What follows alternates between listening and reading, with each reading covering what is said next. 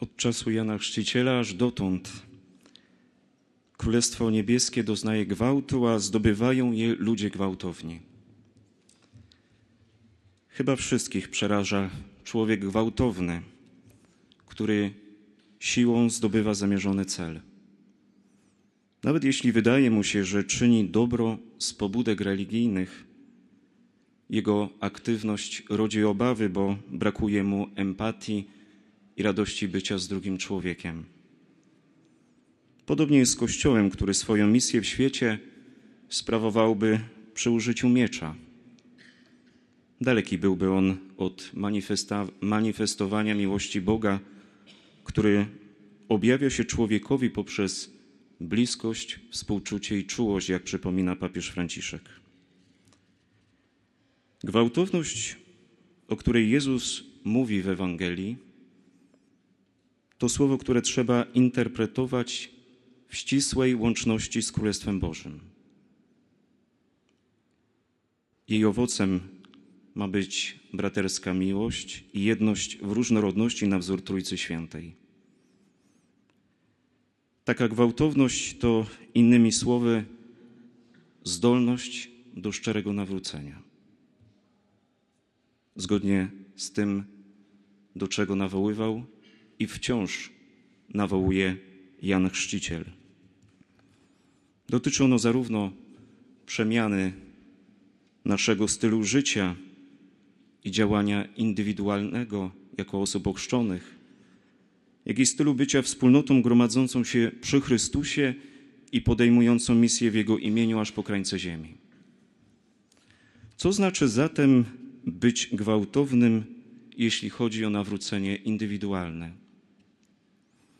Otóż nic innego jak wyzbycie się tego wszystkiego, co nie pozwala nam jednocześnie żyć i działać dla innych i z innymi.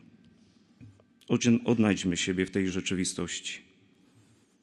Jeśli robimy coś dla kogoś, a zabraknie z naszej strony właściwej relacji z osobą, której pomagamy, to będziemy co najwyżej na siłę ją uszczęśliwiali. Co więcej, taka osoba zawsze będzie nas podejrzewać o to, że za tym, co robimy, kryją się korzyści. Oni się nie troszczą o mnie. Tak czynią, bo, bo pewnie coś z tego mają. Na pewno nie robią tego bezinteresownie. Mówi dzisiaj wielu. Gwałtowność w wymiarze indywidualnym to także zdolność do podejmowania konkretnych decyzji odnośnie do swojego życia zmieniam coś już dzisiaj, a nie jutro. Bo i niby nad czym się tu zastanawiać. Skoro wiem, że mam się nawrócić, to trzeba stanąć w prawdzie i powiedzieć: koniec z bożkami w moim życiu. Dzisiaj. Na sile pieniądza, władzy, przyjemności nie zbuduje szczęśliwego życia.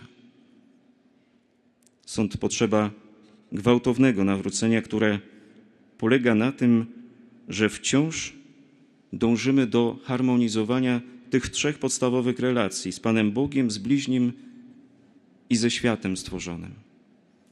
Wtedy bowiem poznajemy prawdę o sobie i o naszym powołaniu, które realizuje się najpełniej poprzez troskę o braci i zdolność życia we wspólnocie.